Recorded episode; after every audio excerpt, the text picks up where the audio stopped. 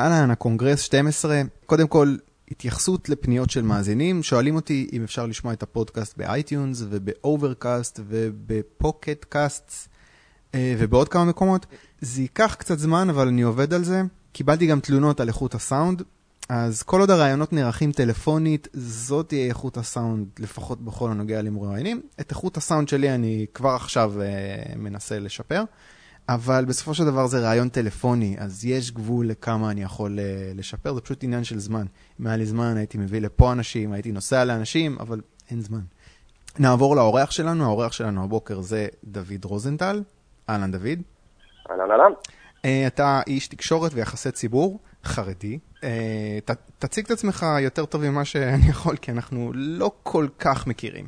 אוקיי, okay, הייתי, הייתי מפריד בין שני הדברים. אה, באורח חיי האישיים אכן, אה, אכן חרדי, גר בעיר חרדית במודיעין עילית. ובנפרד, יועץ תקשורת, זה מה שאני במקצועי. זאת אומרת, וגם אין קשר בין הדברים. זהו, באמת, לפני שניגע בנושאים, אני רוצה שתסביר לי איך זה עובד השילוב הזה, זאת אומרת, זה, זה רלוונטי לנסות למצוא איזושהי סתירה בין להיות חרדי לבין להיות בעל דעות ליברליות? אני לא חושב. אני דווקא חושב שחרדים הם מגדולי הליברלים שיש. אם אה, בסקרים שונים זה גם, הדעה שלי גם קיבלה, קיבלה תוקף. החרדים בגדול הם, הם, הם, אה, לא, הם לא שונאים ממסד, הם מפחדי ממסד. הם ליברטריאנים באופי, גם אם לא בפועל. בפועל, אתה יודע, כולנו מכירים את, ה, את, אה, את מדינת הרווחה ואיך שכולם מנצלים אותה, ובכלל זה גם החרדים. Mm-hmm. אבל בתפיסה, ב, בקווי החשיבה, החרדים הם דווקא משתדלים להתרחק מהממסד. אוקיי, okay. אני חושב שאנחנו ניגע, ב... ניגע בזה יותר uh, בנושא הראשון שאני רוצה לצלול אליו. אני פשוט אציג את זה. Uh, זה קשור לפרק ששמעתי בפודקאסט בשם ערך מוסף, דמוגרפיה. Mm-hmm. אה, ערך מוסף אה, זה פודקאסט כלכלי של שני בוגרי משרד האוצר, ליאור תבורי וטל וולפסון, והפרק הזה עסק במגמות הדמוגרפיות בישראל, שהן הפיכת אה, האוכלוסייה הערבית והחרדית לרוב, תוך 40 שנה מהיום, עוד, עוד בימי חיינו, זה לא משהו שבעתיד הרחוק ש... שהילדים שלנו ישברו את הראש. ואם מסתכלים היום נגיד על ילדים עד גיל 15, זה יותר מובהק, אז הרוב היהודי חילוני שכולל דתיים לא חרדים עומד כרגע על 56%, עוד 20 שנה זה מצטמק ל-46%. עכשיו, הם בפודקאסט שלהם שמים ביחד את החרדים והערבים לא כי יש איזשהו קשר uh, תרבותי, אלא כי פשוט מדובר בשתי אוכלוסיות שמבחינת היחסים עם המדינה מתנהלות בצורה גירעונית. זאת אומרת, אלה אוכלוסיות שבגדול לוקחות יותר כסף ממה שהן מכניסות, וכרגע הן נשענות על רוב יהודי, חיל... יהודי וחילוני דתי, וחילוני ודתי, אה, אבל זה זמני מאוד, הרוב הזה. ואם המצב יישאר כמו שהוא, אז מדינת ישראל תחווה עוד קריסה כלכלית עוד בימי חיינו, רק בלהמשיך מהמגמות שאנחנו נמצאים בהן עכשיו. אם ו... תישאר מדינת הרווחה במתכונתה כמות שהיא. זהו, בוא, בוא, בוא, בוא, בוא, השאלה שכאילו, ש, ש, ש, איך שהם הציגו את זה, שאלתי את עצמי, אוקיי, אז מה עושים? עכשיו, כולנו אינדיבידואלים, וכמו שאני לא מייצג את החילונים, אתה לא מייצג את החרדים, אבל בכל זאת אני רוצה, בתור מישהו שמכיר את התרבות הזאת, אני רוצה שתתאר לי קודם כל, אה, יש מודעות שזאת בעיה? אה, תראה, אפשר לומר שזה יותר בקצוות הרחבים. תראה, הרי כידוע, זאת אומרת, כשאתה אומר חרדים, לא ברור למה אתה מתכוון. יש הרבה, יש הרבה חרדים עובדים, יש הרבה חרדים ש, שהם, שהם לא לומדים בכוללים. למעשה, בפועל רוב החרדים עובדים. Mm-hmm. יש גם חלק בצורה לא מוצהרת, אבל הרוב לדעתי מוצהר, כי בתכלס, אתה יודע, באופן שחור אי אפשר, אפשר לעשות כסף קטן, אי אפשר להרוויח הרבה. כן. ככה שכל תחזיות האימה, או, או להסתכל על כל החרדים כגוש אחד שלא עובד, זה פשוט טעות אחת גדולה. אתה יודע מה, גם אם נסתכל באחוזים, אה, מה אחוז התעסוקה במגזר הכללי לעומת מה אחוז התעסוקה בחרדי, התפיסה אצל האיש, אצל האדם הסביר ברחוב זה ש-100% מהחילונים עובדים, 100% מהחרדים לא עובדים. זה רחוק מזה, אחוזי התעסוקה במגזר הכללי זה איפשהו שם באזור ה-80 אחוז, סליחה שאני כבר לא זוכר את המספר המדויק, ואצל החרדים יש הבדל בין גברים לנשים, גברים זה באזור ה-50 אחוז, טיפה פחות, נשים זה יותר באזור ה-70 אחוז. נכון, יש פערים, אבל הם לא כאלה דרמטיים. עכשיו, נכון, יש גם אה, אה, הבדלים ב- ב- באופי התעסוקה. אתה יודע, אדם עובד זה יכול להיות אדם שמשתכר אה, 5,000 שקל, ויכול להיות אדם שמשתכר גם אה, 100,000 שקל. ב- בממוצע, העובד החרדי מרוויח פחות מהעובד החילוני. ממוצע, אתה יודע, הממוצע הרי יכול לעשות עוול להרבה. כשאתה רואה אדם אה, חרדי ברחוב, אתה אומר, לפ- לפי הממוצע אמורים להיות לו אה, חמישה, שישה ילדים. אבל יכול להיות שאותו אחד אין לו ילדים בכלל, או שיש לו 12. אה, הממוצע לכשעצמו יכול לעשות עוול לפרט, אבל בהכללה, כשמסתכלים על הכל, כמו גם סטריאוטיפים, יש בזה אמת, אי אפשר להתעלם. אה, אז הפערים לא כאלה דרמטיים כמו שזה נראה, אבל הם קיימים. לא נתעלם מזה. עכשיו, מה שקורה במדינת ישראל, במתכונתה הנוכחית כ- כ- כמדינת רווחה, אגב, יחד גם עם צבא העם, שזה, שזה שתי סוגיות שהן הן שונות אבל, אבל קרובות, כי הן שתי, שתיהן חסמים כדי באמת אה, לנהל כאן מערכת כלכלית אה, אה, טובה, איכותית. אה, מה שקורה, שמדינת הרווחה, יש לה, בכל מקום, יש לה כשלים מובנים. אתה יודע, אה, אה, פקידים, זה, הם, למע- פקידי מדינה הם למעשה אנשים שמנהלים כספים לא שלהם, הם מנהלים כסף של אנשים אחרים, ומדרך הטבע הם לא עושים את זה הכי יעיל. מדינה באופן אינהרנטי, מנגנון מדינה גם תמיד יש לו אה, אה, שחיתויות, אי יעילות, ככה זה בכל מקום.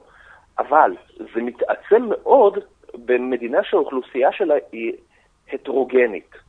אנחנו רואים שמדינות הרווחה הסקנדינביות הן נחשבות ל- לסמל של הצלחה של הסיסמה הזאת, סוציאל דמוקרטיה. אבל הבה לא נתעלם ששם יש אוכלוסייה הומוגנית. זאת אומרת, שם מתייחסים אל מדינת הרווחה כאל סוג של ביטוח. זאת אומרת, אתה משלם למעשה כל חודש במיסים, אתה משלם פרמיה, ואם קורה לך איזשהו אירוע, אתה מוצא את עצמך בלי תעסוקה, אתה מוצא את עצמך ב- ב- אה, במצב בריאותי שאתה לא יכול לעבוד, אז אתה מקבל חזרה מה, מה, מהמדינה, מהביטוח, אתה מקבל את ה... אתה, אתה מקבל כסף ש, שיתמוך בך ב, בתקופה הזאת. לעומת זאת, כשהאוכלוסייה היא, היא אה, הטרוגנית, מה שקורה זה שלא כולם משלמים בש, בשו, בשוויוניות פרמיה ו, ונהנים, מה, ונהנים בעצם מהביטוח רק בתנאים, אה, רק בתנאי קטסטרופה או בתנאים קיצוניים.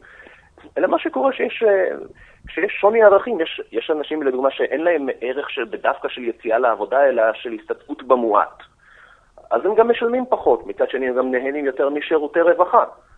יש אנשים שבכלל בתרבות ובאופי שלהם, שזה משהו מזרח תיכוני נפוץ, אה, זה בכלל, אתה יודע, להתעלם מהממסד ו- ו- ולדאוג יותר למשפחה הקרובה ו- ולא, ולא למדינה. התוצאה היא שהופך להיות חלקי אוכלוסייה שהם באופן קבוע הם משלמי הפרמיה, ומצד אחר יש, יש את אלה שרק כל הזמן לוקחים מהמדינה. וזה מצב קיים. ושוב, אני חוזר, אני, אני מסייג, אתה יודע, הממוצע הזה שאני מדבר עליו יכול לעשות, לא יכול, הוא עושה עוול להרבה אנשים. כמו שאמרתי, יש הרבה... יש הרבה חרדים שעובדים, יש גם הרבה אה, ערבים ש, ש, שעובדים. יש... כן, אבל אתה יודע, אנחנו מסתכלים על סטטיסטיקות בסופו של דבר.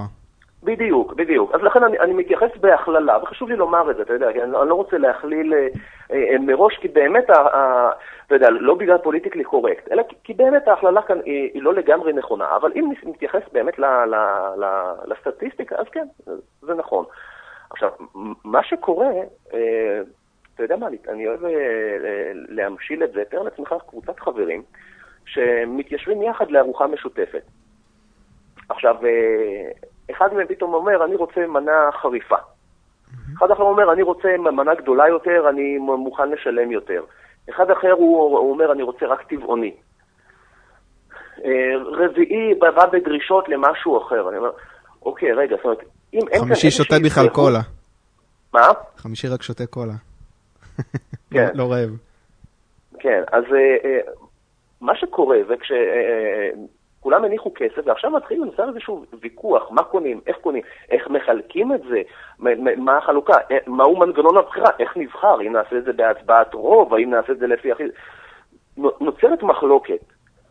ואז אני אומר, רגע, זאת אומרת, אם, אם בעצם אנחנו לא רוצים לאכול את אותו הדבר, אז מה הקטע? שכל אחד ייקח את, ה, את מעט השקלים שלו חזרה לעצמו, ול- וילך וירכוש לבד, מה בא לו. אוקיי. למה אנחנו צריכים בעצם להתווכח אחד עם השני על, על שוני בטעמים או שוני בערכים? כן, ואני חוזר לזה, מדינת הרווחה היא בעצם סוג של ארוחה משותפת, שכמו שאמרתי מקודם, כולם משלמים פרמיה ונהנים ממנה רק בתנאים קיצוניים. לעומת זאת, כשיש שוני גדול, כשכל אחד רוצה לאכול משהו אחר, יש ערכים שונים, אז הכשלים האינהרנטיים של מדינת הרווחה הם פשוט, הם, הם צפים ומתעצמים. ואז באמת קשה מאוד לקיים את המנגנון הזה. זה מה שקורה כאן במדינת ישראל היום, ועוד יותר זה יקרה ככל שאוכלוסיות המיעוטים, כל אחת וערכיה ודעותיה, ככל שהם יגדלו, אז ככה בעצם זה ילך ויתעצם. אמ, כשהם הציגו את זה בפודקאסט, את הבעיה הזאת, בעצם של גירעון... דבר טיפה יותר בקול, אני פשוט לא שומע אותך. כשהם הציגו בפודקאסט את העניין הזה, של גירעון הולך אה, וגדל, הם אמרו שהפתרון הוא בחלון הזדמנויות קטן שעדיין יש לנו, לנו, כן, לרוב החילוני, שכרגע לשנות את זה זה עכשיו, כי בעוד 20 שנה יהיה מאוחר אה, מדי. אני בן אדם קצת פסימי מטבעי, ובוא תגיד לי איך אתה רואה את זה, כאילו, נגיד 40 שנה מעכשיו, ולא יהיה שינוי. תראה, קודם כל שינויים כל הזמן קורים, לכאן או לכאן, גם לא תמיד זה בקצב אה, אה, זהה, זאת אומרת, יכול להיות שבשנים יחסית מהמעטות הופך להיות שינוי אה, דרסטי. אני אשאל את השאלה, אבל אני רוצה לשאול את השאלה בצורה בוטה. ש"ס ויהדות התורה יבואו ויגידו, אוקיי, חבר'ה, אנחנו צריכים עכשיו לפרק את מדינת הרווחה כי זה לא מחזיק, או שזה משהו שיכול להגיע רק מ, לא יודע, מפלגות חילוניות? תראה, זה שזה יגיע מיוזמתם, וקשה לי לומר את זה. אבל תראה, אם אנחנו מדברים על, אם כבר מדברים על ניצול מדינת הרווחה, חשוב לשים את, ה, את כל נושא החרדים בפרופורציה ראויה. Mm-hmm. אתה יודע, כולם מדברים, ובאמת, גם מה שעולה בפודקאסט שלהם, למעשה שהחרדים מנצלים את קופת המדינה. איך, איך הם עושים את זה? הם קבוצת לחץ פוליטית. עושים שימוש בכוח פוליטי כדי להטות כספי ציבור לאינטרסים שלהם. אה, פה אני איתך, אני חושב שאני אבין מה אתה אומר. אתה אומר הם לא היחידים, אוניברסיטאות, בוודאי, יש אה, המון המון אה, מגזרים שכל אחד לוקח את הנתח שלו. אתה יודע, בוא רגע נשים את זה בפרופורציה, בוא נבדוק אותם אחד-אחד. תראה, אה, מה, מה גובה תקציב הישיבות ה, ה, בתקציב האחרון לשנה? זה 1.22 מיליארד. מיליארד 200 ו-220 מיליון. אוקיי, עכשיו, מה, גוד, מה גודלה של קבוצת הכוח החרדית? אה, סך כל מצביעי יהדות התורה וש"ס ואלי ישי, הכל ביחד, זה בערך חצי מיליון איש. כלומר, חצי מיליון איש שהצליחו אה, אה, לעשות שימוש בכוח פוליטי כדי להשיג מקופת המדינה מיליארד ומאתיים עשרים מיליון שקלים. אוקיי, אתה יודע, קבוצת לחץ נראה, נראה לא טוב, נשמע, נשמע לא תקין. אגב, אני באמת חושב שזה לא לגיטימי, אבל בוא נבדוק מה עושים אחרים. אם נסתכל בדוח מבקר המדינה, אני כבר לא זוכר, של אחת השנים האחרונות, לא זוכר של איזה שנה מדויקת, שהוא בודק מה העלות של 700 העובדים המיותרים בחברת החשמל. כן. לא, לא, יותר מזה, סליחה, זה יותר מ-700. זה באזור ה-2,000. סליחה שאני לא זוכר את המספר המדויק. Okay. אוקיי. מה העלות של 2,000 העובדים המיותרים בחברת החשמל? העלות היא מתקרבת למיליארד. okay. בשנה, מיליארד. וזה רק העובדים המיותרים. אני לא מדבר על, על אה, אי היעילות ומשכורות העתק של העובדים הלא מיותרים. אוקיי. Okay, עכשיו, בוא אני... נשים רגע פרופורציה. זאת אומרת, יש לך פה 2,000 איש שמצליחים להשיג באמצעות לחץ פוליטי, כן, אתה יודע, כל הפרקטיקות האלה של התפקדות במפלגות וועדים וכל זה, אה, בחסות חוקי ההגנה על, על, על עובדים שקיימים במדינה. אלפיים האנשים האלה מצליחים להשיג אה, קרוב למיליארד שקלים בשנה. אתה משווה את זה פרופורציונלית מול, ה, מול מה שמצליחים להשיג חצי מיליון החרדים? אני, אני, אני מסכים, עכשיו, אני מסכים איתך. עכשיו, וזה רק קבוצת לחץ אחת, ואתה יודע, אמרתי, זה רק העובדים המיותרים בחברת החשמל, מה עם העובדים הלא מיותרים? מה עם, מה עם הנמלים? כל, וכל שאר אני... המונופולים שיש uh, במשק הישראלי, ששם בעצם כולם עושים את אותה השיטה, עושים שימוש בכוח פוליטי כדי לקחת כסף uh, מה, מהצלחת הציבורית. אין, אין, פה, עכשיו... אין, פה, אין פה ויכוח, אני רוצה אבל רגע, אתה יודע מה, תעזוב רגע באמת את העניין של החרדים. אין ספק שיש אבל בעיה עם המנגנון הנוכחי של אה, מדינת הרווחה, המדינה החצי סוציאליסטית שיש לנו. אני רוצה לשאול אותך, אני רוצה לשאול אותך שאלה ש... לפני שאנחנו עוזבים את הנושא הזה. לא, לא, זו שאלה שקשורה לנושא הזה. אוקיי. אמ, נגיד, אני פסימי אמרתי קודם כל. אני חושב ששינוי יכול להגיע רק אחרי שאין ברירה. זאת אומרת, אם אני מסתכל אחורה על ההיסטוריה שלנו, זה נכון. זהו, אז השאלה אם באמת השינוי יגיע, ואני מקווה שזה יהיה שינוי לטובה, כן? אתה חושב ששינוי יכול להגיע לפני שתהיה איזושהי פשיטת רגל של כל המנגנון הזה? תראה, בשביל זה צריך יהיה באמת אה, התגייסות והבנה ציבורית של, אה, של כל חלקי האוכלוסייה שמנגנון מדינת הרווחה פוגע בכולם, והוא פוגע בכולם. אה, אה, את השכבות האוכלוסייה החלשות, אה, הוא בעצם מכריח אותם לחיי עוני ומנציח את העוני, כי, כי ילדים במשפחה ענייה, שבעצם הם, אתה יודע, הרי ילדים לומדים מהוריהם, והם רואים איך... איך, איך עובדים כדי לקבל כספים, אם, צריך, אם צריך להתחזות לבעייתיים יותר ממה שהם, שזה מה שעושים כדי, כדי להשיג דיור ציבורי, או, או להתחזות לבעייתיים כדי לקבל יותר כספים ממערכת החינוך. אתה יודע, כל הפרקטיקות האלה בעצם עוברות לדור הבא. ככל שאנחנו הופכים את העוני למשתלם, או, או, או לאפשרי, או, או למכובד, בעצם אנחנו רק מרחיבים אותו ומנציחים אותו. ואני חושב שזה אבסורד, זה, זה קורה בכל האוכלוסיות, אה, לא רק אצל אה, אוכלוסיות המיעוטים הגדלות במדינה, אלא זה קורה בכל מקום. ואני חוזר רגע למה שאמרתי מקודם, בכל מה שקשור להטרוגניות וההומוגניות. Mm-hmm. גם במדינות הסקנדינביות, עכשיו, עם כל ההגירה שיש שם ממדינות אה, אפריקה וממדינות ערב, אנחנו באמת רואים שם שבירה של השיטה. ברגע שנשברת ההומוגניות של האוכלוסייה, אז הקונספט הזה של מדינת הרווחה לא יכול לעמוד בכשלים שהאוכלוסייה מציבה בפניו. כן, אני מבין. אה, אוקיי, אני רוצה לעבור נושא, הקדשנו לנושא הזה די הרבה זמן, אני רוצה לעבור לנושאים טיפה... Yeah, ועוד אפשר לדבר עליו הרבה, אתה יודע, זה כן, כן, כן, מורכב, כן. ובהחלט אה, יש הרבה מה... כן, מה לדוש בו. אני חושב שמוסכם שאנחנו בבעיה ורחוקים אפילו מה... מה, מה, מה שאתה יודע, שאנשים מבינים שיש בעיה, ושאנשים כאילו מבינים שוואלה, תצטרכו לוותר פה על משהו. אתם לא תקבלו יותר מזה, אתם תקבלו פחות מזה, זה מה שיקרה. אה, אבל אני רוצה לעבור נושא לנושא של אה, ערוץ 20, או ליתר דיוק, מועצת הרשות השנייה, שנוקטת במהלכים נגד אה, ערוץ 20. אני רוצה רגע לספר לך משהו. כשניגשתי להכין את האייטם הזה, אז עשיתי בגוגל ערוץ 20, והיו שלוש תוצאות כאלה של חדשות עם תמונה וכותרת סיפורים מובילים, כולם מאותו יום. אז יש שתי ידיעות שאומרות שהולכים לחלט את הערבויות של ערוץ 20, וידיעה שלישית, כתבה מהארץ עם כותרת, צפיתי בערוץ 24 ימים, וגיליתי איך עובדת מכונת השנאה. עכשיו, אני רוצה להגיד קודם כל שהארץ היה להם גם מאמר מערכת שאמר, אל תיגעו בערוץ 20, אבל בכל זאת, אני ראיתי פה איזשהו יחס של סיבה ותוצאה. זאת אומרת, מצד אחד יש רגולטורים, אכיפה סלקטיבית, מצד שני יש שיח שיוצר דה-לגיטימציה, וזה משלים לאיזשהו מהלך של יש גוף שעובר על אה, כללים רגולטוריים, אנחנו עכשיו נשתיק אותו והם גם מייצרים אה, שנאה. אז uh, כמובן שהעניין הזה של החילוט ערבויות זה, זה, עוד לא, זה עוד לא מוביל לקראת סגירה, כן? זה עדיין רק ההתחלה של התהליך. אבל יש דיבור על זה שזה, שזה עלול להוביל לשלילה של רישיון.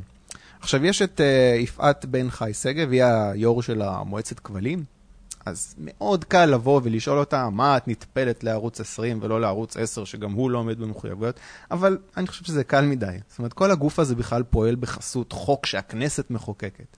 אז למה לדעתך הממשלה לא מעבירה איזושהי החלטה לסגור את מועצת הערוץ השנייה, הכבלים, הלוויין, פשוט לשחרר את השוק מרגולציה? אני חושב שזה, תראה, זה, הסיבה לזה עלתה גם בנושא הקודם. בדרך כלל דברים לא קורים אלא על סיפה של קטסטרופה. וכל עוד אין משהו דרמטי, מי ילך באמת ולתקן חקיקה ישנה וחקיקה לא, לא, לא רלוונטית? והרי יש הרבה כאלה, אתה יודע, בהתחלה מחוקקים חוק למטרה כלשהי, עם השנים כבר שוכחים ממנו, אבל החוק נשאר קיים, עד שהרבה פעמים פשוט עושים שימוש הפוך במטרה של החוק. אגב, לא מעט מהמונופולים במדינת ישראל, ולא רק במדינת ישראל, מבוססים על רגולציה שנוצרה במקור כדי למנוע מונופולים. זה, זה מה שקורה הרבה פעמים עם חקיקה. עכשיו, שקשור ל- ל- לרגולציה על uh, כלי המדיה המשודרים. יכול להיות שהיא הייתה רלוונטית בעבר, יכול להיות, אני, אני, אני לא נחרץ. Uh, ולמה? כי אז היה כל תדרי השידור, או בכלל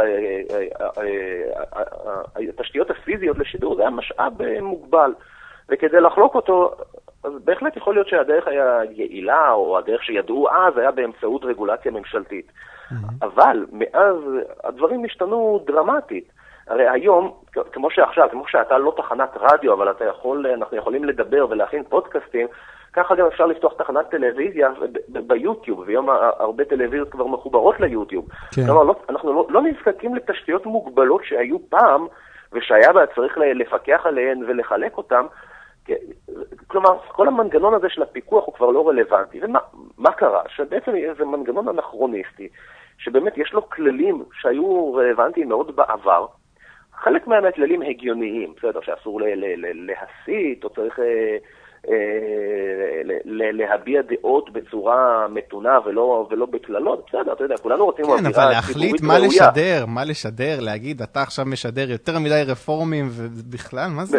בדיוק, אבל זה? זה כבר מתחיל לרדת לקטנות. עכשיו, דמיין לעצמך, אילו היום היו מנסים להטיל רגולציה על עיתון מודפס, ואומרים לו כמה, כמה עמודי פרסומת מותר לך לשים, כמה כתבות צריכות להיות חדשותיות וכמה, וכמה מגזיניות, כמה יכולות לעסוק ברכילות וכמה חייבות, אה, אה, כמה אחוז, מה אחוזי התמונות שמותר יהיה מתוך אה, כלל העמוד.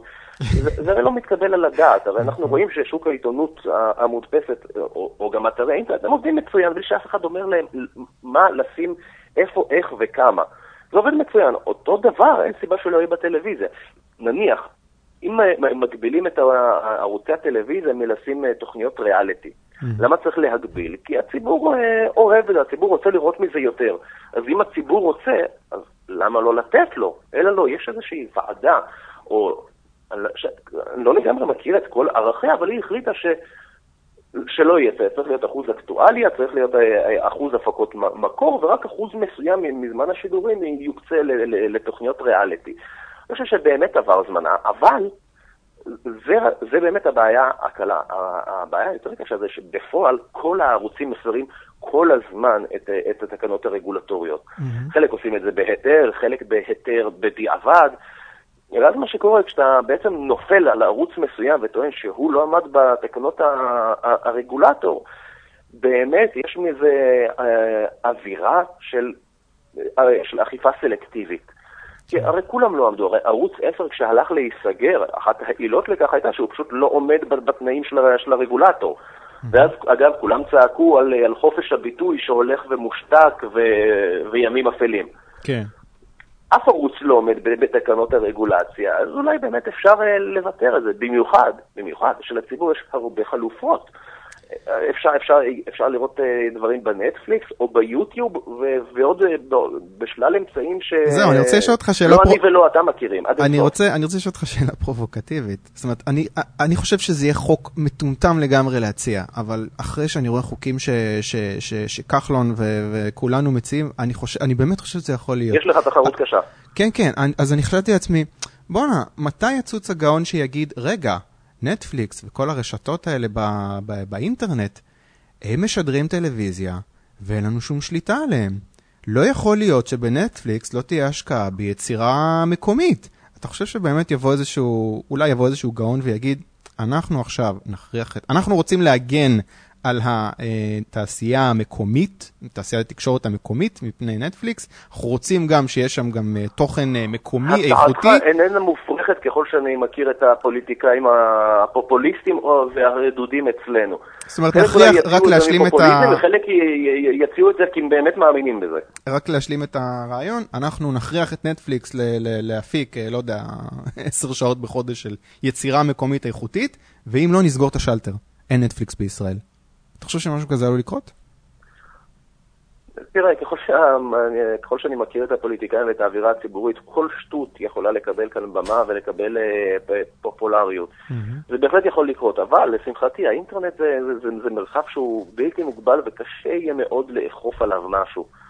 ואני חושב שלכן מלכתחילה הם... Uh, אני מניח שההצעה הזאת עלתה בראשם של לא חבר כנסת אחד ולא שניים, אבל פשוט עצרו את זה ברגע שאנשים שקצת מבינים עניין אמרו לו שבאמת זה יהיה צחוק ההצעה הזאת, כי אי אפשר באמת לאכוף את זה. אי אפשר באמת uh, לפקח על מה שקורה ברשת. הרי תמיד, הרי אפילו בסין, כן, mm-hmm. ששם המפק... הרשת היא מפוקחת ואין שם גישה, הרי גם משם הם מצליחים להתחבר לפייסבוק ולכל מה שהם רוצים. Mm-hmm. אין באמת דרך אה, יעילה, אתה יודע, כמו שפעם היה במדינת ישראל, היה בהתחלת הטלוויזיה הצבעונית, ואז החליטו שהטלוויזיה תהיה בשחור לבן. כן. ואז עשו את ה... התקינו מחיקון, ואז גם שמו את האנטי-מחיקון. אה, אי אפשר באמת לעבוד על הציבור ואי אפשר לחסום את, ה...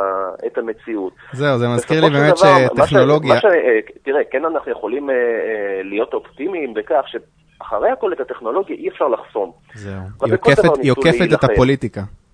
מה? הטכנולוגיה עוקפת את הפוליטיקה. נכון, נכון.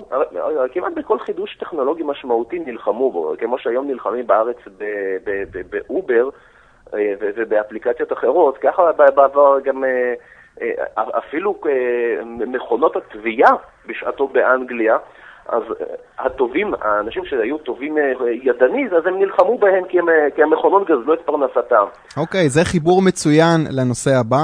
אמרת אה, עובדים שגוזלים את פרנסתם, אמרת הסתדרות, ואני רוצה לדבר על קפה נוער והעובדים שלו בתל אביב, שהתאגדו בהסתדרות ופתחו בשביתה. אתה מכיר את הסיפור הזה? זה משהו שכזה, אתה שומע רק בדבר ראשון. זה משהו שכל הזמן צף אה, מפה ומשם. עכשיו תראה, רגע, אני רוצה רק, אני רוצה שנייה להציג את הנושא למי שלא מכיר. אה, אוקיי, אז העובדים אה, בקפה מתאגדים, פותחים במשא ומתן מול ההנהלה, לא מקבלים מה שהם רוצים. עכשיו הם שובתים ועושים מחאה מול המסעדה, ובעצם נוצר מצב שאם העובדים שלך בבית קפה מתאגדים ומחליטים שהם לא מרוויחים מספיק, ומכריזים על שביתה, אסור לך לפטר אותם, להעסיק עובדים אחרים. אז בעצם התאגדות בהסתדרות זה שקול להשתלטות של עובדים על עסק פרטי. מה אתה חושב זה עושה לבן אדם שחושב לפתוח עסק ולהעסיק עובדים בישראל? תראה, אה, אני יכול לומר שזה לא קרה הרבה, אבל כבר היה מקרים בעבר שחברות פשוט נסגרו בעקבות התאגדות של עובדים. ואם נסתכל, היה לפני, סיפור שלפני כשנתיים, חברת, אה, חברת נטסורס, חברה ש... ספק חיצוני שנתן שירותים לחברות סלולריות של אה, שירותי אה, טלפנות. העסיקו שם הרבה מאוד, אה, מאות עובדות חרדיות, שהם עבדו עם חברות סלולריות, קיבלו את השיחות, השיבו לפונים ו- ו- וכולי. ואז יום אחד הם התאגדו בהסתדרות, זה היה באמת מאבק, מאבק שלא לא ביום אחד, אבל החברה פשוט נסגרה. אז אה, מה שווה לה, ל- ל- להיות עובד מאוגד בחברה, בחברה פושטת רגל? אני לא יודע. רגע, מה, הם שבתו, שכל- הם שבתו ואז הבעלים סגר את הבסטה? זה מה שקרה? או שעצם זה ככל שהם שאני זוכר, התאגדו... זה היה עוד לפני שביתה, זה היה יחד, פשוט יחד עם ההתאגדות. Mm, ברגע שהתאגדו, פשוט, פשוט נמאס לו, ובגדול גם הוא עשה את זה לא ממניעי רווח, כי לא, לא מדובר היה בעסק מי יודע מה מניב, הוא, היה שם רווחים, ייתכן, אולי, אולי לא גדולים, אבל כנראה לא, לא מדובר היה במכרה זהב. וכשהוא ראה שזה זה דורש סחבת, והתעסקות, ופוליטיזציה, ומריבות בבית משפט, הוא אומר, יאללה, כאילו, תעזבו אותי, תסתדרו לבד. מזעזע. נאלצים להסתדר לבד. עכשיו, אני לא אומר שזה קורה תמיד, אבל גם את זה צריך לקחת בחשבון. אתה חושב, אגב, זה... זאת אומרת, זה, זה... באמת עמדתי לשאול אותך, איך, איך, איך היחסים של ההסתדרות עם המגזר החרדי? זאת אומרת, הם חודרים לתוך עסקים אה, של, אה, של חרדים? הם מנסים, אבל uh, הולך להם פחות. למה הולך להם פחות? הם בעצם באים ומציעים דיל אטרקטיבי, הם אומרים, בוא, תתאגד, אנחנו נדאג לך למשכורת יותר גבוהה. מי יכול לסרב להצעה כזאת? תראה, מה- קודם כל, זה, לא תמיד יכולים להבטיח את זה, לא, תמיד- לא תמיד באמת, אה, תראה, חברה שהיא לא, לא, לא רווחית, אי אפשר באמת גם לדרוש ממנה יותר. אז אם הם מגיעים בדרישות, הם צריכים באמת לוודא שמדובר בחברה רווחית, כמו, כמו בסיפור שהזכרתי, זה כנראה לא בדקו את זה.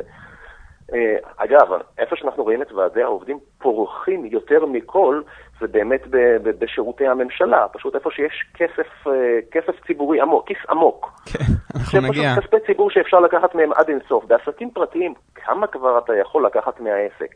עכשיו, איפה, אם נלך, בוא, בוא נלך לכיוון אחר, בוא נלך לחברות ההייטק, שם שהן רווחיות. שם לעובדים אין צורך להתאגד. כי לעובדים בת- בתחום התכנות, בתחום, בתחום ההייטק, יש להם ביקוש, הם מקבלים שכר גבוה בלי שהם מאוגדים. אז ההסתדרות עשתה מספר אה, ניסיונות לאגד פה ושם, אבל אה, באמדוקס לדוגמה, זה אה, ניסיון שהוגדר ככישלון. אין לעובדים צורך בזה. אני מאוד מקווה שהם ייכשלו שם, אבל אני רוצה לעבור לציוץ. זה לא, זה לא הידיעה בעיתון, זה אולי, לא יודע, איזשהו בלון ניסוי. אה, עמליה דואק חשפה בטוויטר, שר האוצר משה כחלון מתכנן לתת הנחות של 80% במחיר קרקע לקבלנים שיוכיחו היעדר כדאיות כלכלית לפרויקט. אה, אתה יודע, לא עובר שבוע ואני שומע איזשהו חוק אידיוטי כזה, איזושהי יוזמה אידיוטית כזאת שכחלון או אחד מהחברי כנסת שלו מציעים. זה מס על דירה שלישית, וזה הרפורמת צהרונים, ועכשיו זה, והדאגה שלי... הוא תמיד נטפל לסימפטומים, הוא תמיד נטפל לאיזשהו סימפטום, משהו שהשוכרים משלמים יותר מדי, או, או, או אה, זוגות צעירים מתקשים אה, לרכוש דירה. הוא הולך, הוא הולך...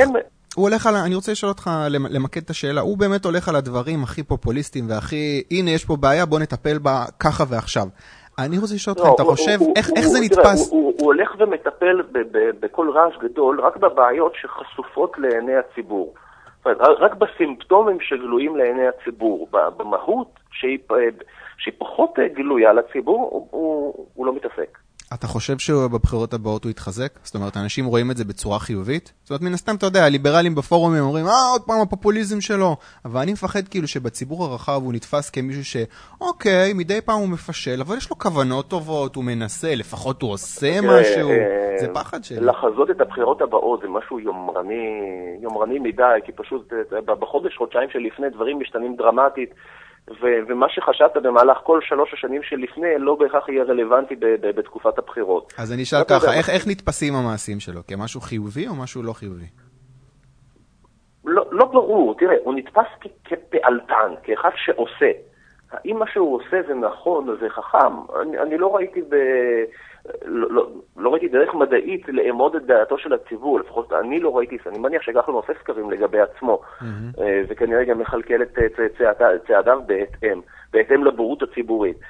אבל אה, מה שהוא עושה, הוא פשוט נטפל בבעיות שגלויות לעיני הציבור ומתעלם מהמהות. הבעיה היא בשוק הנדל"ן בארץ, שזה באמת מחסור, אין מספיק דירות. כתוצאה מכך אין דירות לא לקנייה ולא לשכירות, ולכן גם מחיר הקנייה גבוה וגם מחיר השכירות יהיה גבוה. הוא גבוה גם למשפרי דיור והוא גבוה גם לזוגות צעירים, לכולם קשה. עכשיו, הוא הולך ופשוט מנסה לחפש בפינצטה את הבעיות הגלויות ורק אותם לפתור ובקול רעש גדול כדי שיראו את הפעלתנות. פוליטית, אני, אה, יכול, יכול להיות שהוא אפילו נוקט בצעד שהוא חכם, אומר, הציבור מטומטם, אז בהתאם לטמטומו של הציבור נציע, נציע את מרכולתי הפוליטית. אפשר, אפשר לעשות את זה, אבל האם זה באמת פותר את בעיות היסוד? דווקא בבעיות האמיתיות אני לא רואה שהוא באמת אה, מטפל בצורה יסודית וראויה. כי יש מחסור, יש מחסור בדיור. למה יש מחסור? כי הבירוקרטיה והרגולציה, גם בתחום הזה של הקרקעות והבינוי, היא שלטת שם בכיפה. לוקח 13 שנים עד שבונים בניין. זאת אומרת, כלומר, מרגע שמחליטים לבנות על איזושהי קרקע מסוימת ומפשירים אותה, ועד שבאמת בנוי שם הבניין ואפשר להשתקע. 13 שנים, זה, זה, אה, הרי בפועל כדי לבנות, אפשר לבנות בניין גם בשנה, שנתיים. כן. זה הכל הליכים, הליכים ביורוקרטיים, ולכל זה יש עלויות, ועלויות גבוהות. אם קבלן צריך לרכוש קרקע, ושהוא עדיין לא יודע, יש, ויש הרבה אי-ודאות, ואחרי זה לעבור את כל הוועדות התכנוניות, המקומיות, המחוזיות והארציות, ואת כל העררים והערעורים. לכל זה יש עלויות. כל העלויות של כל זה מגולמות בסופו של דבר במחירי הדיור. גם במחירים הישירים שאנחנו משלמים, כי באמת הקבלן שלו צריך לקחת הלוואה מבנק כדי לרכוש קרקע, ועכשיו הוא צריך להמתין 13 שנה, אז uh, אנחנו צריכים, צריכים לפרנס גם, גם את הבנק וגם את הקבלן שלקח את כל ה... את היזם. זהו, הוא, הוא מבין... שלקח את כל הסיכונים האלה. הוא מן הסתם מבין את כל הבעיות האלה, והוא, והוא אומר לעצמו, טוב, לטפל בבעיות האלה זה, זה, זה, זה בגדר התאבדות פוליטית. זה המון עבודה וזה המון אנשים שאני הולך לעצבן ולגנוב להם את השמנת. אז אני אעשה משהו מצד קל. מצד אחד, נכון, ומצד שני גם חלק גדול מהציבור, אולי אפילו רוב הציבור, לא ידעו להעריך ברגע שזה נעשה. אז בשיקול פוליטי, הוא עושה לעצמו, כאילו, פה אני בוודאות הולך להרגיז כמה אנשים וכמה פקידים שבעצם חיים ומזה פר, פרנסתם מתוך, מכל, ה, מכל הסיאוב הזה, ומצד שני הציבור לא ידע להעריך את המלחמה הזאת. אז נלחם בכל מיני תחנות רוח שעושות הרבה רעש. אין תמריץ, כן. אני רוצה לחזור למשהו שאמרת קודם על uh, באמת ההסתדרות, איפה שזה עובד רק במקום שיש כיסים עמוקים, וזה בהקשר של חשיפה של מתן חודרוב. אה, על הסדר מפנק לעובדים שהמדינה רוצה להעביר. הסיפור הוא שישה עובדי מדינה שיושבים בבית טמפלרים במתחם, שר... במתחם שרונה. המדינה רוצה לחסוך עלויות, לפנות את הקרקע היקרה ולעשות להם רילוקיישן. ההסתדרות שמייצגת את עובדי המדינה מעמידה רשימת דרישות, ביניהן מענק של 100 אלף שקל לכל פקיד, סבסוד משכנתאות עד מיליון שקל, קיצור המשמורות שלהם, חלוקת דרגות שהם יהיו עובדי אילת, הם עוברים לירושלים, כן? אה, ואם לא, הם לא מתפנים.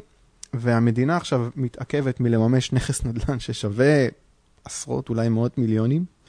אה, אז אוקיי, אז ברור שזה מכעיס והכל, אבל יש לי הרגשה שזה קצת טיפה בים. וגם אם במקרה הזה ספציפית יהיה סוף טוב, אתה יודע, אומרים עכשיו המדינה שמה שם שרשראות ומראים להם מה זה, אבל זה כאילו קצת שואו, זאת אומרת, אנחנו טובעים בדברים כאלה. ומתן חודרוב עם כל הרצון הטוב שלו לא, לא יחשוף. בכל יום, ותראה, פה פשוט יש איזה משהו שצף למול עינינו שאנחנו רואים את זה במפורש, זה כל הזמן קיים. למה? כי אפשר. כי חוקי, אה, דיני העבודה במדינת ישראל מגנים באופן אה, מוגזם על, אה, על עובדים, שלא נדבר על עובדים שיש להם קביעות, שאז בכלל אין מה לעשות בהם. שבעצם כל, כל עובד שיש לו קביעות, הוא בעצם הוא עושה טובה כשהוא בא לעבודה, כי, כי הוא יקבל שכר גם אם הוא לא יבוא. הם יכולים לעשות מה שהם רוצים, ואי אפשר גם לפטר אותם. וכל שינוי, כל, כל דבר, זה תמיד כרוך במאבקים ובדרישות נוספות. בעצם כל, כל שינוי, הרבה פעמים גם שינוי, נניח, אם מכניסים מערכת מחשוב שתייעל ותשפר את העבודה, כן. וכבר היו דברים כאלה. כן. בעצם העובדים צריכים רק לסמוך על כך, אלא לא. רק הם מבקשים דמי הסתגלות ופיצויים על עצם זה שבעצם עוזרים להם לעשות את עבודתם קלה יותר. מה, מה קורה שם? פשוט עובדים שהם חסינים מכל, אה, אה, חסינים מכל ביקורת ומכל אפשרות לפיטורים. מחפשים אה, לשפר את השכר שלהם. אתה יודע מה, השאיפה לשפר את השכר היא לגיטימית, אבל מה שהמנגנון הזה של דיני עבודה במתכונתו הנוכחית וה, והמיושנת, הוא פשוט אומר, אוקיי, אם רוצים לשפר את השכר, צריך פשוט לבוא בדרישות, כל פעם למצוא איזושהי תואנה. עכשיו, אי אפשר להינזק מזה, אתה יודע, מעסיק בשוק הפרטי שהוא לא, לא, לא מרוצה מעובד, עובד שמעלה דרישות אה, מוגזמות וזה, אז מפטרים אותו. משלמים לו פיצויי פיטורים ומפטרים, אבל במגזר הציבורי אי אפשר לפטר. הם יכולים רק לבוא בדרישות, להפסיד אין להם מה, להרוויח יש להם, כי גם אם חלק מהדרישות ייענו, זה, זה כבר מבחינתם רווח נקי. אז למה לא? פשוט כי אפשר. אז אתה חושב, מה, אתה חושב שצריך uh, לשנות את החוקים ככה שמה, שעובדי מדינה לא יוכלו להיות מיוצגים על ידי ההסתדרות? קצת דרקוני, לא? לא, לא, ש, ש, ש, שיהיו מיוצגים על ידי מי שהם, מי שהם רוצים. הבעיה, הבעיה בתכלס, היא לא, ב, היא לא בהסתדרות. ההסתדרות פשוט, אה, היא עושה שימוש במסד החוקי של דיני העבודה. שאם זה מצד אחד, לדוגמה, שמספיק רק רוב של 30% מהעובדים כדי לאגד את כולם. רוב של 30 אחוז, כן? אה, אה, כי, כי אלה דיני, זה לא הסתדרות, אלה דיני העבודה במדינת ישראל. אה, את, את זה, את התשתית החוקית צריך לשנות. ההסתדרות, כל מה שהיא עושה, היא עושה פשוט שימוש בחוקים הקיימים. הבעיה היא לא בהסתדרות, הבעיה היא בחוק. כן, הבעיה לא בהסתדרות, אלא באנשים שמאפשרים לה לעשות מה שהיא עושה. תראה, מה זה החוק? חוקים שמאפשרים לה. החוק זה הפוליטיקאים, הפוליטיקאים זה אנחנו. נכון. זה המודעות הציבורית. ברגע שהציבור יבין את מה שקורה פה ובאמת יבוא בדרישה, אז אה, רק אז דברים ישתנו. אבל אה, כמו שכבר אה, נאמר, בדרך כלל שינויים משמעותיים קורים רק על סף קטסטרופה. טוב, כן, אה, זה הכל בסופו של דבר מתמצא לשינוי יבוא רק אחרי שתהיה קטסטרופה. אוקיי, עוד נושא אחד. קצת דומה, אבל לא כל כך. אה, רפורמת התמרוקים נדחית, אז משרד הבריאות החליט לבטל יוזמה שלו אה, להכנסת תקנות שיקלו על יבוא תמרוקים ויבוא, ויובילו להוזלה במוצרים כמו משחת שיניים, סכיני גילוח, דורדורנטים. אה, הסיבה, משרד הבריאות, או כמו שהנציגה שלו, דוקטור אסנת לוקסנבורג מסרה, שהמשרד היה נתון ללחצים הן מצד ישראלים והן ממדינות שונות בעולם שדאגו מה, מהתקנות. זה, זה, זה, זה כאילו, זה כמעט, אה, כמעט וידוי להגיד שבאו, באו כאילו אנשים שיש להם פה אינטרס ואמרו לנו אל תעשו את זה, אנחנו נפסיד מזה. אה, ממה לדעתך דאגו, דאגו אותם ישראלים ומדינות שונות בעולם בתקנות האלה? תראה, כל, כל תקנה תמיד מוצאים בה איזושהי עילה הגיונית. נניח אה, להגן על הציבור, למנוע סכנות. אה, חברות שרוצות אה, לעשות רווחים מטורפים ולמכור מוצרים מסוכנים לציבור. אתה יודע, זה דברים שנשמעים הגיוניים על פניהם, גם אם הם לא כאלה. הרי איזה חברה רצינית תרצה להרעיל את לקוחותיה? הרי לא יהיה לקוחות אחרי זה. עכשיו, מה שקורה, פוליטיקאים... הריהוט הזול מאיקאה יהרוג את כולנו. כן. הפוליטיקאים תמיד מפחדים מביקורת, אז אם יש נניח אה, אה, גוף רגולטורי כלשהו, או, או, או חוק כלשהו שאפשר היה לחוקק ולא חוקק, שמטרתו הייתה למנוע את הפציעה או את המוות המיותר של מישהו ש, שניזוק מאיזשהו מוצר. הרי תמיד יקרה משהו, אתה יודע, mm-hmm. אתה יודע סטטיסטית, תמיד יימצא מישהו ש, שיפגע ממוצר, ת, ת, ת, תמיד יהיו אה, תאונות דרכים. עכשיו, תמיד אחרי שקורית איזושהי פר, פרשייה, במיוחד אם היא קורית באופן יותר אה, סנסציוני, לא משנה מאיזה סיבה כזו או אחרת, mm-hmm. תמיד בתקשורת מגיעים ב, ב, בדרישות וחקירות מי אשם, מה לא בדקנו, איזה רגולציה פה הייתה יכולה למנוע את, ה, את המוות המיותר הזה ולמה היא לא קרתה. וכתוצאה מזה, אה, אה, אה, אז קודם כל באמת הפוליטיקאים תמיד מחפשים תמיד לכסתח את עצמם שהם תמיד דאגו, יותר הפקידים, אבל גם הפוליטיקאים, שהם דאגו מבחינתם לכל מה שצריך, הם תמיד מנעו, הם זיהו תמיד את הפרצות בזמן. התוצאה היא שמרוב ש... מרוב כסתוחים, פשוט העלויות של כל זה הן מטורפות. ויש את זה בכל מקום, אתה יודע, אם... ועדיין יש תאונות. ותמיד יהיו, כי אי אפשר באמת למנוע את הכל. הרי אה, מה ש... נניח בתי מלון בארץ, הם צריכים לעמוד בדרישות רגולטוריות ש... שאין באף מקום אחר, אם זה בבנייה של ממ"דים, אם זה, אם זה בבריכות, בבריכה שכל הזמן צריך להיות בה מציל, שצריך להיות שם הצללה כל הזמן. עכשיו, כל הדברים האלה זה עלויות. זה עלויות גם בכך שצריך תמיד את המאכערים האלה ש... שיעזרו לעבור את כל האישורים וה... והביקורות והתקנות. אנשים, אה, כל רגולציה, יש הרבה אנשים שמתפרנסים ממנה. קודם כל הרגולטור, וג... ותמיד גם אלה שמסייעים איך לעקוף את הרגולציה. ולכל זה יש עלויות, עלויות משני הצדדים. אם, אה, אתה יודע מה, אם לדוגמה בתקנות מס כלשהן, הם יוצרים שם איזשהו אה, סרבול, אני מביא את זה סתם כדוגמה לדבר. אז מצד אחד צריך לזה יותר פקידים שיבדקו את, ה... יבדקו את כל שומות המס, מצד שני גם יותר עורכי דין ורואי חשבון צריכים פשוט כדי להגיש אה, אה, תצהיר למס. כל זה זה עלויות. זהו, אני, אני רוצה, אני רוצה לשאול אותך משהו. מגולגלות לצרכן, ואנחנו כולנו משלמים על כל הבירוקרטיה הזאת. הנה, ואם נחזור רגע ל, ל, ל, ל, לכל הנושא הזה של התמרוקים. גם שם אתה צריך לעמוד בתקינה, אולי יקרה משהו למישהו, שמישהו יחנק מאיזושהי משחת שיניים, שאיזשהו יבואן מקביל ייבא, ואז יבדקו מי אשם. עזבו אותי, אסור לייבא, ו... וזהו, שאף אחד לא ימות. אני רוצה לשאול אותך, אבל אני מבין את הטיעון. זאת אומרת, אם אני עכשיו בתוך השיח התקשורתי ואני מעלה בעניין הזה את הטיעון הבטיחותי, אוקיי, בסדר, יש לו, יש לו משקל מסוים, אבל אתה לא חושב שכאילו בשנים האחרונות אולי, אני אשאל את זה ככה, יש רגישות גדולה מאוד uh, בשיח הציבורי לעניין של שחיתות. זאת אומרת, ברגע שאתה רומז שמישהו uh, הוא מושחת, אז יש לזה משקל. זאת אומרת, זה משהו שמתייחסים לזה ברצינות ומשהו שלא רוצים שיקרה. אתה לא חושב שיש הסתכלות על העניינים האלה של אתה יודע, ברור שיש את היבואנים הספציפיים המסוימים שמרוויחים מהמצב הזה. זה גם סוג של שחיתות. אם יש המון אנשים שמרוויחים מהמצב הזה, שיש חוקים שדואגים לזה שרק הם יוכלו לייבא והם יכולים לדפוק איזה. ברור, אבל זו שחיתות שקשה להוכיח אותה. זה לא נתפס כשחיתות? זה שחיתות בפועל.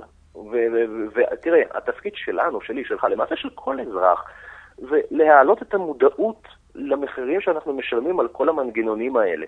לא מדובר ברגולציה עם כוונות אה, תמימות וטהורות להגן עלינו מפני איזשהו מוות מיותר, אלא הרבה פעמים זה, זה רגולציה שהיא זדונית תחת מעטה של טוב לב, או מעטה של אה, דאגה לציבור. כי ככל שיש אה, רגולציה מסוימת על מוצר X, זה אומר שרק מישהו שמכיר את התקנות של מוצר X, רק הוא יכול לייצר או לייבא אותו. זה בעצם דרך לחסום מתחרים, למנוע מהם להיכנס לשוק. או לחלופין, גם אם זה לא מונע מהם לגמרי, זה מייקר מאוד את העלויות. אז אה, לכן, כדי להתחרות, אז רק אה, תאגידים גדולים יוכלו להיכנס לתחום, אבל איזשהו יזם קטן שזיהה את ההזדמנות, הוא לא יוכל לעשות את זה. Mm-hmm. וזה באמת אה, הביקורת הגדולה על מכון התקנים הישראלי, שחלק גדול מהתקנים נוסחו על ידי אנשים שבעצם יש להם אינטרס ברור שהתקן יהיה מסוים.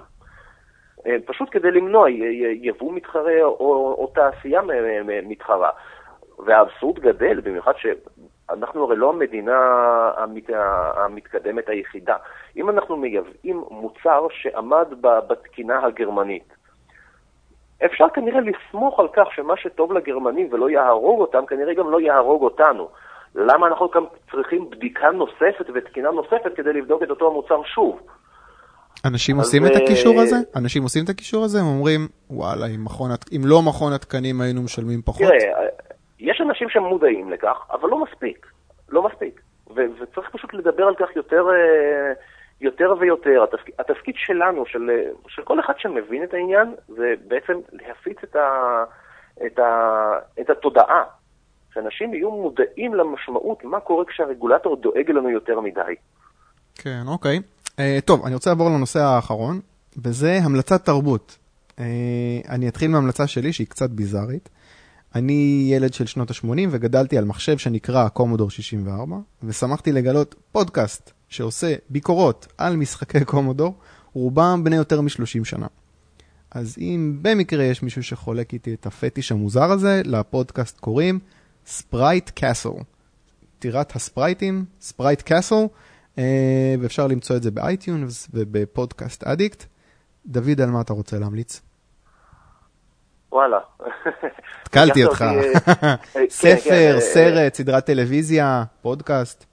לא, משהו שלא מקבל יותר מדי תשומת לב. איזשהו ספר שמסתבר שאני קניתי אותו מזמן, אבל אה, פשוט שכב אצלי כשאני שכחתי אותו, ועכשיו פתאום אני מצאתי אותו.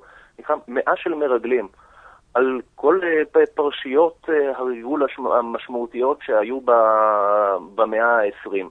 מי כתב את זה? ג'פרי ריצ'לסון. אוקיי, לא, לא סופר ידוע, אני גם לא ידעתי אותו. אני, כשלקחתי את הספר, פשוט לקחתי בגלל הכותרת, כי פרשיות ריגול זה תמיד נשמע מעניין. ותשמע, מה אני אגיד לך, מה, ל, ל, אה, אולי גם אתה מרגל, יכול להיות? אני מבטיח לך שלא, אבל אם הייתי מרגל זה מה שהייתי אומר.